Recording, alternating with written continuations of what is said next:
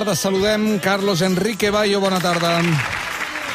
Molt bona tarda. Periodista d'investigació del diari Público, ministre de Clavegueres de l'Estat de Gràcia, ja ho sabeu. Avui amb el Carlos Enrique volem parlar d'un vell conegut de les clavegueres, el comissari José Manuel Villarejo, de qui el diari Público ha destapat que els seus tentacles criminals arribaven més allà d'Espanya, concretament fins a Colòmbia. Segons aquesta informació de Público, quan va ser detingut Villarejo, estava, eh, atenció, subministrant a fiscals colombians informació confidencial sota secret de sumari del cas Lezo. Explica'ns una mica de, de, de què estem parlant. Bueno, el caso Lezo eh, se abre porque eh, es la gran estafa a través del canal Isabel II, la gran estafa del de PP de Madrid. Entonces, ese, eh, eh, ese digamos, eh, tinglado que mm, se hace a través del canal Isabel II consiste en sobrevalorar las compras de compañías de agua en Colombia y en Brasil y quedarse con los millones de la diferencia, claro. Por eso fueron eh, eh, encarcelados, bueno, acusados, de, detenidos y, y, y, procesados y encarcelados el expresidente de la Comunidad de Madrid, Ignacio González, y, también el, gestor de INASA, que era la, primera compañía colombiana que, que, compró el canal Isabel II para a través de ella comprar otras eh, y bueno, hacer toda una serie de, operaciones de las que iban quedándose decenas de millones de, de, de euros i transfiriéndolos a sus cuentas en Suïssa. Sí, ara, ara m'ha vingut al cap una comparació Però... molt peregrina, que és quan jo li dono unes monedes al meu fill per anar al súper i ell torna i diu que li ha costat... Eh, no, és sí. que és, estan molt cars els xiclets, valen 3 euros i tal. I, no? i li ha costat un i mig. I li ha costat un i mig, no? Sí, sí. És, és això, no? Vull dir, ells em, em, sí, sí, menteixen amb això directament. Exactamente.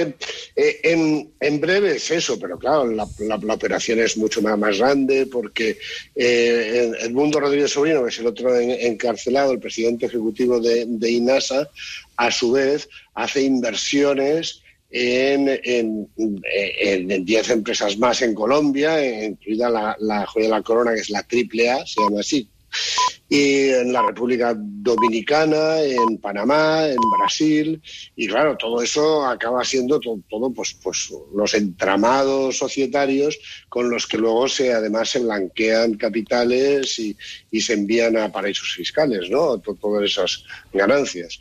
Entonces, bueno, eh, ese, ese caso Lezo eh, tiene mucho interés para Colombia y específicamente para la Procuraduría General de, de Colombia, uh -huh. que es, digamos, como sería nuestra Fiscalía Anticorrupción aquí. Uh -huh. O sea, está la Fiscalía General del, del, Estado y la Procuraduría es una Fiscalía General para las irregularidades en los servicios públicos, vamos, para la corrupción. Uh -huh. Y el Procurador General, Fernando Carrillo, es el que puso en marcha una, una, gran limpieza en el año 2017 de las corrupciones que había en, en, en, Colombia, que eran innumerables, las de las conexiones Odebrecht, bueno, cientos, hasta mil casos distintos de, eh, bueno, las decenas de, de, de, procedimientos tenían más de 3.000 imputados, mm. de los cuales 2.000 eran funcionarios del, del, del Estado. Bueno, entonces, claro, ellos estaban investigando también, por ejemplo, lo del caso Lezo. ¿Y qué hizo Villarejo?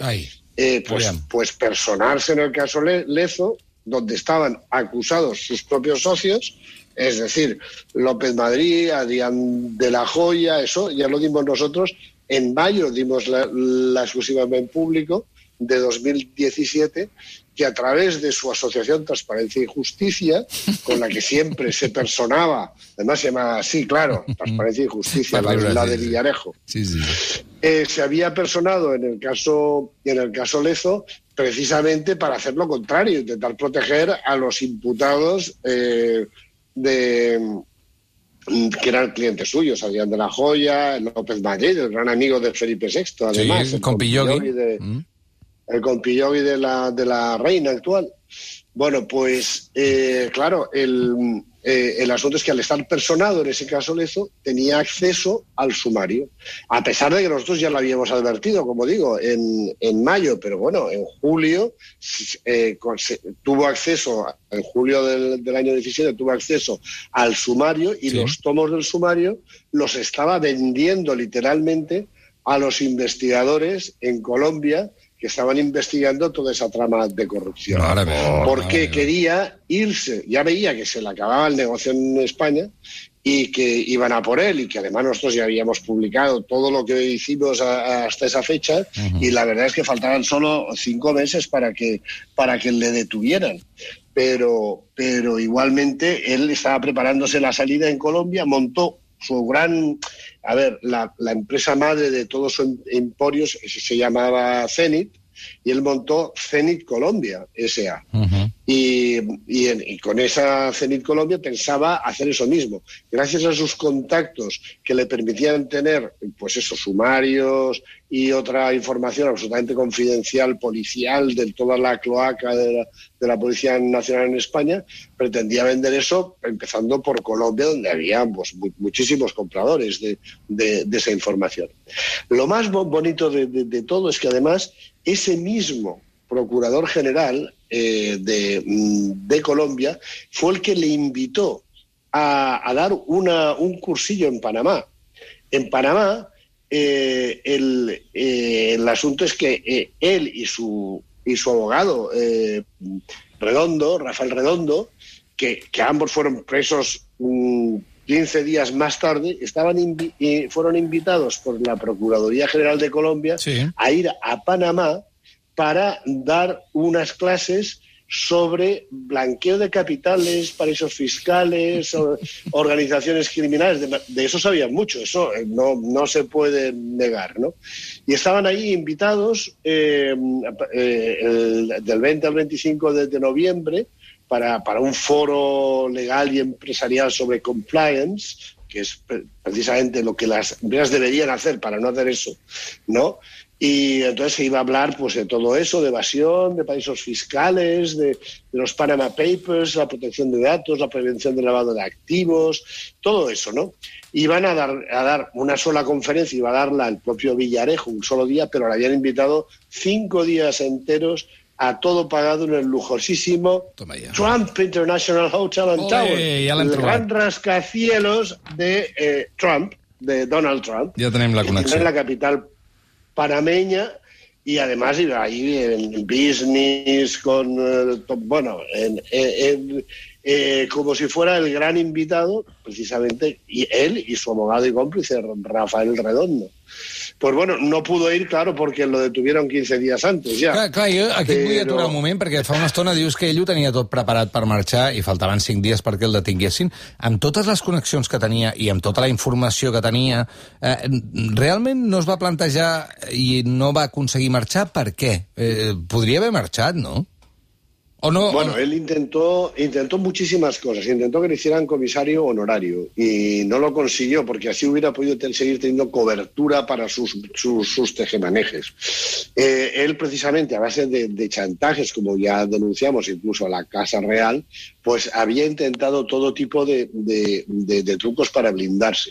Y lo que estaba era asegurándose la, el retiro en Colombia. Mm. Y además allí con, con, grandes amigos, como él mismo de, decía, prácticamente el procurador general en, en, Colombia es casi el número dos de, de, en el poder estatal allí después del, del presidente, ¿no?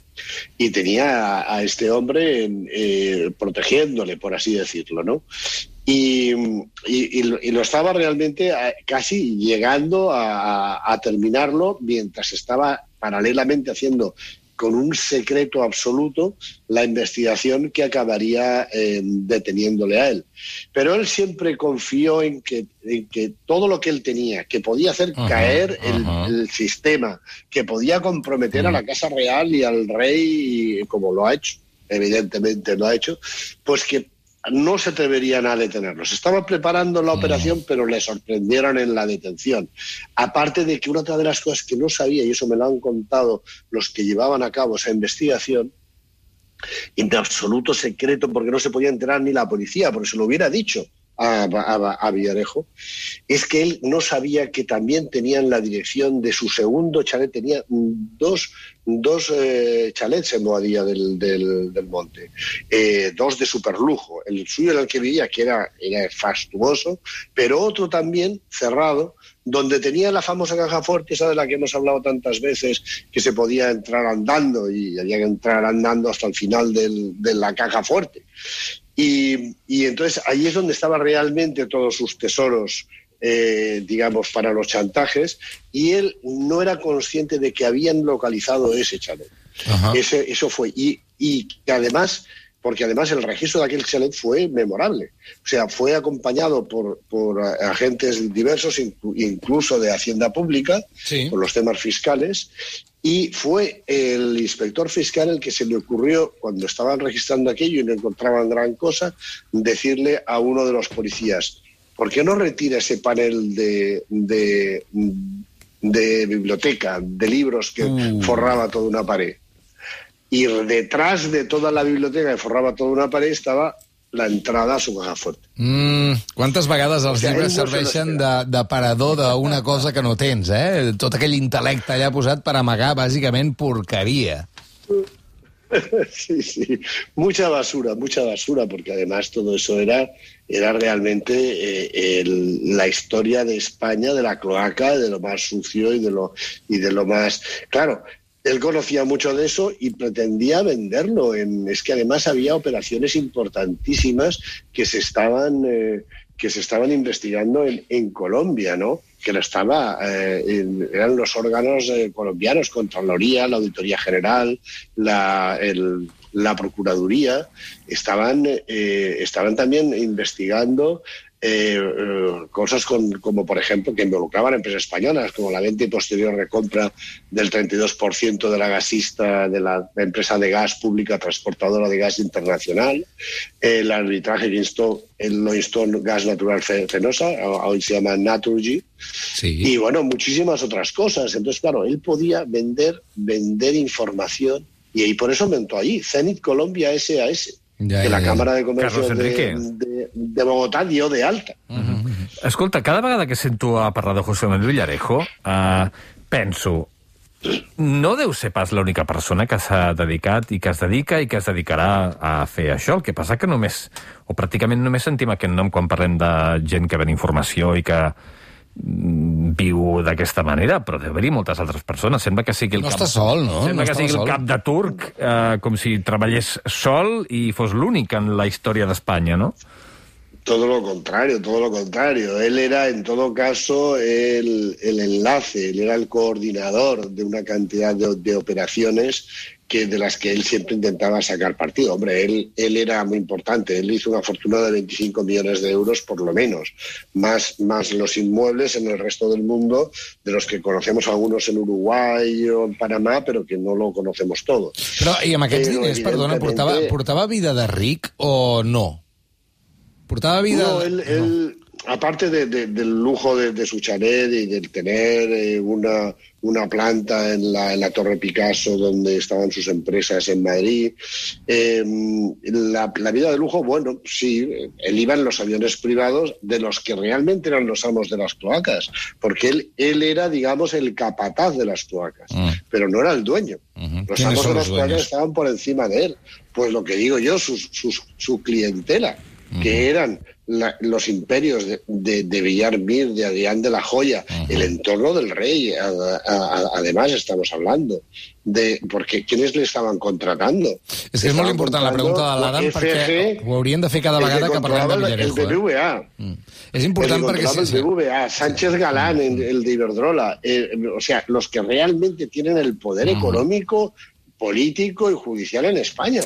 Però clar, tota aquesta, gent que, clar... tota aquesta gent que el tenien amb ell de capatàs se n'ha sortit i no s'ha vist afectada i qui es veu afectat és el Masové, no? És el que sí, viu allà sí, i, i el que pringa sí. és Villarejo, però no pringuen... Les clavegueres deuen continuar a, Perquè, amb un altre capatàs. Exacte, no? el Compillogui ha pringado, de alguna manera, o no? Mm Bueno, eh, la verdad es que ahora lo tienen un poquito mal, porque están ahora imputados, en, en, muchos de ellos se están librando, pero otros es, están imputados. Ha alcanzado hasta FG, ha alcanzado hasta, hasta Sánchez Galán en, en Iberdrola.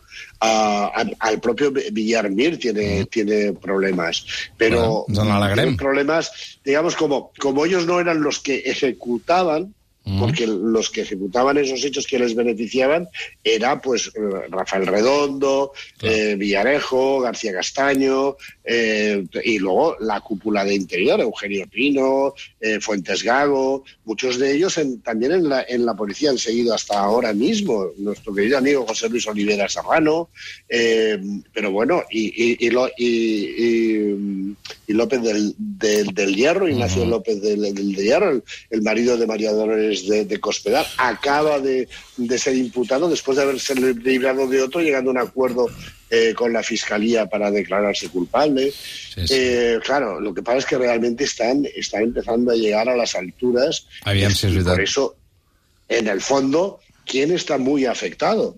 Un, un, un, tal Borbón, un tal Juan Carlos I, mm. el rey emérito de, de, de, de, España, al que todo este lío que se le ha montado ha sido precisamente por ese chantaje de Villarejo con el que Villarejo pensaba que se iba a librar, que no le iban a, a, a detener. Y no. Y, y, y, por eso no, se había, no había huido al extranjero, aunque se lo estaba preparando. En canvi, el rei sí, sí. i allà està fent barbacoas. Sí, claro. Pero, pero es que el rey se ha ido con, con, no solamente el visto bueno, sino con pagándolo nosotros. Con la connivencia, sí, la, sí. La claro. seguridad del rey emérito la pagamos de nuestro bolsillo cada vez que, que, que pagamos Hacienda.